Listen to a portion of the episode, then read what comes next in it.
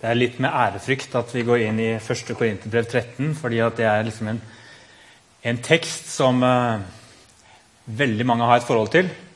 Alle som sitter i dette rommet her, og kanskje store deler av det norske folk, har på en eller annen måte hørt eller gjenkjenner et eller flere av versene i uh, det som noen kaller for kjærlighetens høysang.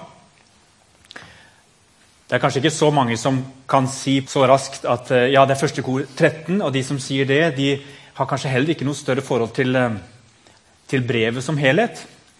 Og kanskje har ikke vi heller det. og Derfor er det litt av min oppgave i høst å, å lese første korinterbrev sammen med dere litt i sammenheng. Og da blir første korinterbrev 13 også en sånn anledning til å, til å spørre seg hva, hvorfor har han plassert det akkurat inn der litt mot slutten av et brev der han har tatt opp masse forskjellige emner.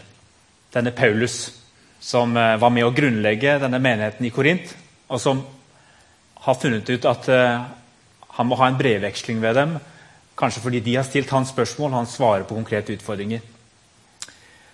Det fins flere ord for kjærlighet på gresk, og mange av de gjenkjenner vi i, også i moderne ord.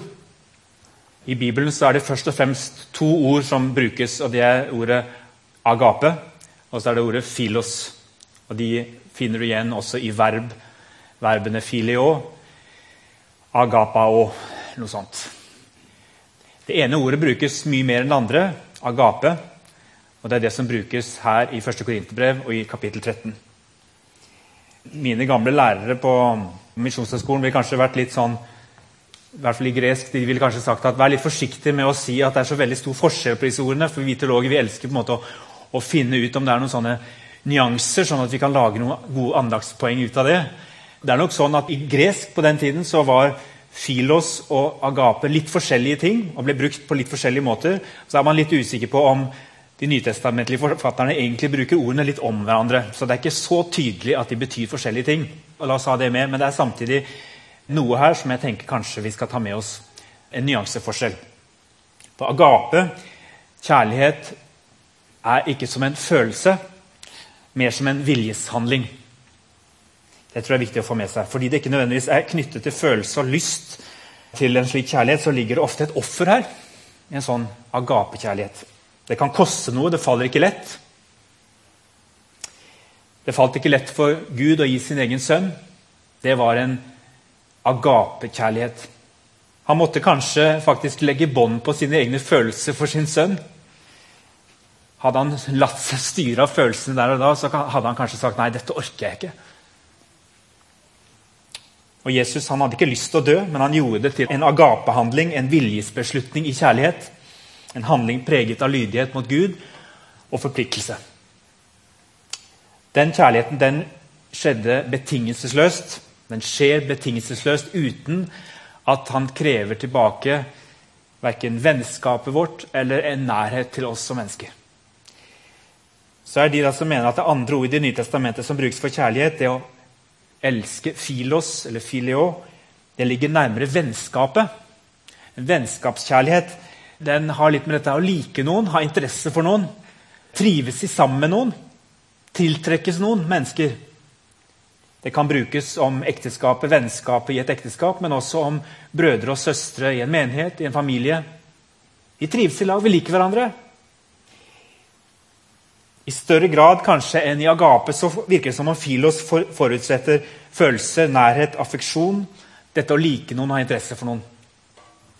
Det ordet brukes ikke så mye i Det nye testamentet. Det er mest agape som brukes.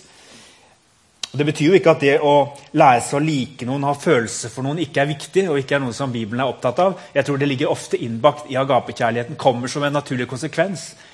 Jeg tror det er veldig ofte sånn at Når vi har besluttet oss for å elske et menneske og handle i tråd med det, så velsigner også Gud oss med følelser for disse menneskene. Kanskje ikke med en gang, men over tid. Det er min erfaring. Men jeg tror Paulus, Jesus og de andre med agapekjærligheten som de snakker om stadig vekk, vil vise oss at kjærlighet mellom mennesker det skal vi ikke gjøre for avhengig av følelsene som en forutsetning. Så da Når Jesus i Matteus 5 sier at vi som er disipler, vi skal elske våre fiender, da bruker han agapao. Da er det ikke sikkert han egentlig ber oss om å like dem eller gjøre oss til venner med dem. Men det handler om en viljesbeslutning om å vise dem kjærlighet på tross at vi ikke liker dem, ikke har gode følelser for dem, eller ønsker å ha dem som våre venner. Men slik kjærlighet den innebærer ofte et mye større offer enn en, enn en vennskapskjærlighet. Det er jo selvfølgelig mye lettere å elske sine venner enn det er å elske sine fiender. Om vi skulle ha noen. Men agape skal ifølge Jesus være mulig både i møte med venner og fiender. Og Da er vi framme ved 1. Korinterbrev 13. For Her snakkes det om agapekjærlighet gjennom hele kapittelet. Og jeg tror det er sånn at Paulus han appellerer til korinternes vilje og beslutning om å elske hverandre mer enn deres følelse og lyst til å gjøre det. Og Hvorfor vier Paulus et helt kapittel til dette? Jeg tror det handla om situasjonen i Korint. Om det høye konfliktnivået som truet med å sprenge menigheten i filler. Dette er han innom allerede i kapittel 1. Han sier noen av Kloes folk har fortalt meg søsken, at det er stridigheter blant dere. Jeg sikter til dette at noen av dere sier jeg holder meg til Paulus, mens andre sier til Apollos, til Kefas eller til Kristus. Er da Kristus blitt delt? Var, var det kanskje Paulus som ble korsfestet for dere? Eller ble dere døpt i Paulus' navn? Jeg lekte meg ved tanken på at den første presten i bymenigheten en dag kunne få behov for å skrive et brev til oss hvor det sto jeg hører det er stridigheter blant dere. Jeg sikter til at noen av dere sier jeg holder meg til Helge Standal, mens andre sier til Erling Pettersen, til Runa Landro eller til Morgan Fjelde. Er da Kristus blitt delt? Var det kanskje Helge Standal som ble korsfestet for dere, eller ble dere døpt til Morgan Fjeldes navn? Det passer egentlig veldig dårlig på oss. Noen sier at konfliktnivået i bymenigheten er historisk lavt. Kanskje så lavt at vi må begynne å vekkes litt og få litt skikkelige diskusjoner igjen. For det trenger vi. Utfordres på hvor vi vil, hva vi brenner for, hva vi har engasjement for. Av og til kan mangel på konflikt være uttrykk for likegyldighet og apati. Jeg sier ikke at det er det som er i bymenigheten, men jeg sier at konflikt og diskusjoner det kan være et sunnhetstegn. Det er ikke det Paulus advarer mot heller. Men i Den norske kirke som vi er en del av, så har de røde varsellampene blinket lenge. Derfor kan formaningen til korintermenigheten også være viktig for oss å lytte nøye til. Paulus han advarer ikke mot å stille spørsmål, mot å kritisere og fremme egne standpunkter, hjertesaker. Ja, Hvis Paulus var typen som kvelte en diskusjon og uenighet, da hadde han aldri skrevet den typen brev som han gjorde til Korinth. Han visste at han kom til å få svar tilbake på den måten han gjør det på. Her er det fullt av både kunnskap, av brennende engasjement, av fornuft, lidenskap og følelser. Og han er ikke den eneste. Det er tydelig at han har fått så det synger i kanskje spørsmålene fra dem tidligere. Hvis jeg hadde vært så frisk i frasparket som Paulus er, så hadde sikkert noen kommet til meg etterpå og sagt nå må du prøve å roe litt ned i måten du snakker på, for nå sårer du en del mennesker. Men Det er altså ikke diskusjon og forskjellige hjertesaker som bekymrer Paulus. Tvert imot. Men jeg tror det er problemet at konflikten i Korint har begynt å akselerere så kraftig at noe veldig viktig har falt av i de kjappe svingene av gapekjærligheten, midt i uenigheten. Da kan det være så sant isolert sett det bare vil, det som slås mellom veggene og sies. Det blir liksom feil underveis. Det blir ikke sant når det ikke skjer i handlinger preget av kjærlighet. Det hjelper ikke at folk har gode argumenter, dype åndelige erfaringer, masse kunnskap om sakene de brenner for. Det hjelper ikke når gapekjærligheten og hensyn til den svake er blitt borte. Og Det er han også innom tidligere i brevet, i begynnelsen av kapittel 8. Men kunnskap gjør håndmodig. Det er kjærlighet, agape, som bygger opp, sier Paulus. Om noen mener å ha forstått noe, da har han ennå ikke forstått det slik han burde. Men den som elsker Gud, er kjent av ham. Og Så fortsetter Paulus med å snakke om et aktuelt spørsmål hvor konfliktnivået hadde blitt høyt. Nemlig om det var greit for kristne å spise kjøtt som hadde vært ofret til avguder. Og Så kommer han til kapittel 12, der han skriver utførlig om alle de forskjellige gavene folk i korintermenigheten hadde. Han viser hvor fantastisk det er at de kan forskjellige ting. De brenner for mye, men ikke alltid for det samme. Dette mangfoldet er gudgitt, sier han. Akkurat som en kropp har forskjellige funksjoner. Og han bruker ganske mye plass på å få sagt dette. Og Kanskje var det fordi det hadde liksom festet seg en slags sånn sammenligningskultur innad i, i menigheten i Korint, der man enten var misunnelig på det andre hadde av erfaringer, hva de fikk til, eller kanskje noen mente at det vi holder på med, er viktigere enn det dere holder på med. Du syns vi skal ha flere kurs i bibelkunnskap. Jeg brenner for at vi skal bruke mer tid på å be og motta ord direkte fra Gud. Ja, Men er det ikke på tide nå at vi går mer ut blant folk, ber for syke og hjelper de som har det tøft? På et eller annet punkt i sånne gode diskusjoner om hva vi skal vektlegge, så kan det gå en kule varmt. Og så hopper kjærligheten av toget. Og Det er da Paulus kommer med sin varme appell. Ikke om at vi må sitte og trives godt med alle mennesker. Ikke at vi må like alle like godt. Men om agape, om den handlende kjærligheten. Den som bestemmer seg for, forplikter seg på, holder ut. Uansett hva det koster. Han sier er vel alle apostler? Er alle profeter? Er alle lærere? Gjør vel alle under? Har alle nådegaver til å helbrede? Taler alle i tunger? Kan alle tyde tungetale? Men vær ivrig etter å få de største nådegavene. Og jeg vil vise dere en enda bedre vei. Om jeg taler med menneskers og englers tunge, men ikke har kjærlighet, da er jeg bare drønnende malm eller en klingende bjelle. Om jeg har profetisk gave, kjenner alle hemmeligheter og eier all kunnskap, om jeg har all tro så jeg kan flytte fjell, men ikke har kjærlighet, da er jeg intet. Om jeg gir alt jeg eier til brød for de fattige, ja, om jeg gir meg selv til å brennes, men ikke har kjærlighet, da har jeg ingenting vunnet. Og Så begynner han å ramse opp hva kjærlighet er. Og han gir kjærligheten kropp og egenskaper. Han snakker om kjærligheten nesten som om det var et menneske vi kan speile oss i. Merker dere? Ja, En kjærlighet vi jammen kommer til kort ovenfor, men som vi også kan strekke oss mot. Og hvem er denne kjærligheten? Jo, kjærligheten hun er tålmodig. Kjærligheten hun er velvillig. Hun misunner ikke, hun skryter ikke. Hun er ikke hovmodig. Alt kan relateres til handlinger, ikke følelser. Sier han at kjærligheten er den brusende forelskelsen og lidenskapen? Nei, han sier ikke det. Sier han at kjærligheten er de fantastisk gode følelsene for et annet menneske? Nei, han sier ikke det. Sier han at kjærlighet er å finne en tvillingsjel som, som forstår alle mine tanker og handlinger og alt det jeg gjør og sier? Liker det? Nei, han sier ikke det. Isteden ramser han opp ord som relaterer seg til holdninger og handlinger i møte med andre mennesker. Relasjonsord. Og jeg har ikke tenkt å dissekere alle disse nydelige versene og ødelegge dem helt for dere. De skal få lov til å ligge der. Nesten mystiske og sterke. Eh, det betyr så mye for mange. Jeg vet ikke om noen av dere var med å analysere dikt i videregående. Det gjorde jeg. Jeg syntes det var ganske gøy, da, men jeg innser jo at noen av de diktene som jeg analyserte, de, de ble ikke helt det samme etterpå.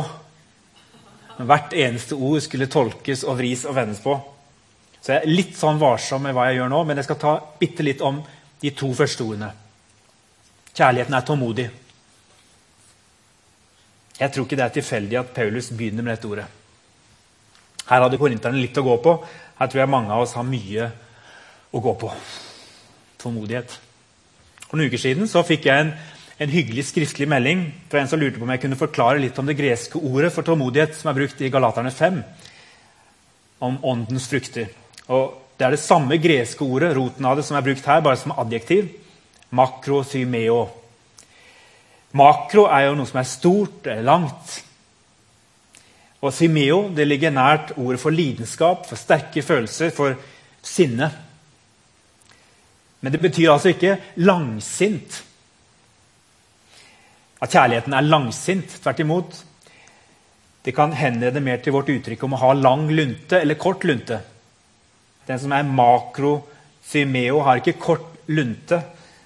Ikke snarsint, men seint til å gjengjelde. Seint til å svare med samme mynt. Lang lunte.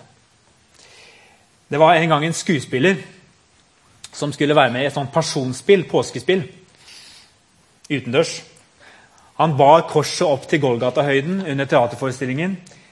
Og så var det da en kverulant i publikum som begynte å rope sånne ukvemsord. Og Skuespilleren han slengte fra seg korset, gikk rett inn i publikum og slo til mannen. Så tok da regissøren han til side og så sa han, du, du kan ikke gjøre sånn. vet du. Altså, om de roper til deg, du kan bare ikke gå. Altså, Dessuten så spiller du jo Jesus. Det går ikke der. Men mannen han lovte at han skulle ikke la seg irritere på den måten. Og Dagen etter så gikk han med korset på ryggen nok en gang, og på nytt så var det en i folkemengden som ropte dumme ting. Og Han prøvde å holde seg så lenge han kunne, men til slutt så slengte han fra seg korset, gikk rett inn i folkemengden og fiket til mannen enda en gang. Og nå sa regissøren vet du, jeg kan ikke ha deg i denne jobben lenger. Beklager. Altså, du kan ikke avbryte teaterforestillingen fordi noen roper på den måten. Og dessuten, du spiller Jesus. Altså ba han så tynt. 'Jeg trenger denne jobben. Kan ikke jeg få én sjanse til?' Det skal aldri gjenta seg. Ok, én sjanse til. Dagen etter så er denne fyren fortsatt i publikum. Han roper akkurat de samme ordene. Og det bygger seg opp igjen mer og mer. Til slutt så roper han 'Vi møtes etter oppstandelsen!' Hva ville Jesus ha gjort? What would Jesus do, sier vi. Han venta ikke bare til etter oppstandelsen med med å ta igjen mot sine motstandere. Han venter fortsatt. Det å bære lidelsen og holde ut det er den første egenskap Paulus tar fram ved agapekjærligheten. Og Det må være fordi den er ekstra viktig og ekstra vanskelig. Kjærligheten er tålmodig. Kjærligheten har ikke kort lunte. Kjærligheten holder ut lenge uten å ta igjen med samme mynt. Men det ligger jo noe ganske passivt i tålmodigheten. Og Kjærligheten gjør mer enn det, og derfor skynder Paulus seg å si at du skal aktivt gå inn for å reparere og bygge, og det sier han med et annet ord. I norsk oversettelse 'kjærligheten er velvillig'. Det er en ganske dårlig gjengivelse tror jeg, av gresken. Det er vel så rett å oversette dette ordet med 'kjærligheten viser godhet'. Fra litt defensivt å være tålmodig så kommer det her en offensiv side ved kjærligheten. Ikke bare sitte tilbakelent og ta imot urettferdige anklager. Holde ut. Nei, faktisk også gå aktivt den andre i møte. Aktivt bry seg, aktivt gjøre gode handlinger, selv om den andre opptrer hatefullt og urettferdig. Det holdes et speil opp for oss i dette kapitlet. Og Når vi ser i speilet, så er det ikke oss selv vi ser. Det er Jesus. Det er han som har gitt kropp til den guddommelige agapekjærligheten. Vi kan aldri fullt ut spille rollen som Jesus. Før eller siden så kaster vi korset fra oss og springer inn og gjør noe vi ikke burde ha gjort i folkemengden. Men like fullt så er det vi som nå er hans kropp på jorden. Det er kanskje en utydelig Jesus vi ser når vi ser oss selv i speilet, men det er Jesus som i et speil i en gåte det er likevel Jesus som kikker tilbake på oss. Vi som er kristne, bærer hans kropp. Godt og vondt. Dersom vi bare unnskylder våre stridigheter og konflikter og gir opp forsoningsarbeidet, da er vi blitt en kirke uten kropp, uten kjærlighet. Da hjelper det ikke om vi har aldri så mange åpenbaringer om sannheten, aldri så mye kunnskap, innsikt og erfaring. Alt sånt skal forgå, sier Paulus. Kjærligheten skal vare helt til slutt. Kjærligheten skal holde ut helt til slutt og bære oss helt gjennom. Paulus han er tydelig på det han står for. Hele brevet gjennom kjemper han for det han mener er sant. Han kjemper for det enkle og sentrale i evangeliet om Jesus Kristus. Han maner til at Kristi liv skal være synlig i våre kropper, i vår livsstil. At vi skal gi ham ære med alt vi er og har. Paulus er overtydelig på det han står for og det han brenner for. Men i møte med konfliktene og stridighetene i Korint så er han også veldig tydelig på noe annet. Det hjelper så lite med sannhet og åpenbaring og sterke åndelige erfaringer. Det hjelper ikke å ha rett hvis jeg glemmer kjærligheten underveis i mitt korstog. Og Så får den enkelte gå i seg selv og spørre seg hva det betyr i våre liv.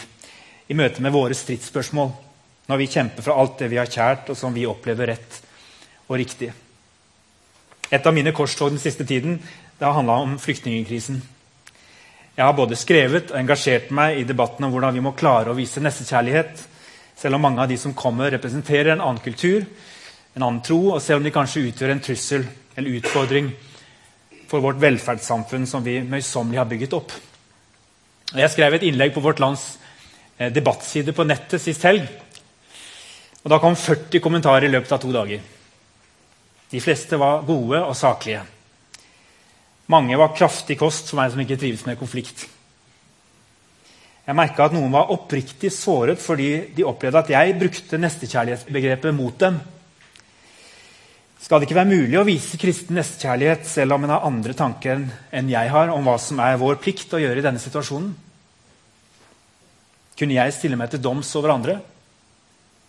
Jeg kjente plutselig igjen opplevelsen disse leserne hadde av å bli tillagt holdninger om å være ukjærlig. For i en annen debatt som raser i mediene, senest i Sandnes denne uka, så handler det også om mennesker som har det vanskelig, og om hvordan vi som kirke skal møte dem. Og I den debatten så er det jeg og mange med meg som føler at vi blir tillagt meninger eh, og ukjærlige holdninger som vi ikke mener at vi har, når vi holder fram det vi holder for sant og rett. Kanskje vi da med ydmykhet skal dykke ned i 1. Korinterbrev 13, slik Paulus gjorde etter å ha vært tydelig på det han sto for og opplevde som rett.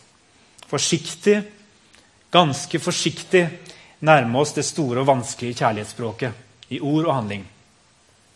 Og ikke altfor kvikt og raskt si at vi har forstått det og kan det. Og så skal vi med Paulus erkjenne at vi alle forstår stykkevis og taler profetisk stykkevis. Men når det fullkomne kommer, skal det som er stykkevis, ta slutt. Nå ser vi et speil i en gåte. Da skal vi se ansikt til ansikt. Nå forstår jeg stykkevis. Da skal jeg erkjenne fullt ut, slik Gud kjenner meg fullt ut. Så blir de stående, disse tre. Tro, håp og kjærlighet. Men størst blant dem er kjærligheten. Og den tar aldri slutt. Kjære himmelske Far. Takk for at du har møtt oss med en uendelig kjærlighet. Mye større enn vi kan forstå, større enn vi kan fatte. Så ber du oss om å kikke i dette speilet igjen. Da ser vi deg, Jesus, som har ofret alt for vår skyld. Som vet alt om kjærlighet. Ikke bare vet det, men altså gjør det. Det er et utydelig speil for vi ser det ikke altfor tydelig i våre egne liv, og derfor blir det speilet av og til så fryktelig tilskitnet og urent og uklart. Vis oss nåde, Herre, så vi kan oppleve å se tydeligere og tydeligere deg i det speilet. At du speiles i våre liv når vi møter mennesker. Her i menigheten. Vi engasjerer oss, og vi brenner Og vi er skuffet og såret. Vi går hverandre i møte, prøver å vise godhet. Når vi prøver å være tålmodige i møte med folk på jobben, i familielivet. I det større fellesskapet som vi er en del av. Vi bærer våre kropper fram for deg, Herre, nok en gang. Fyll oss med din kjærlighet. Amen.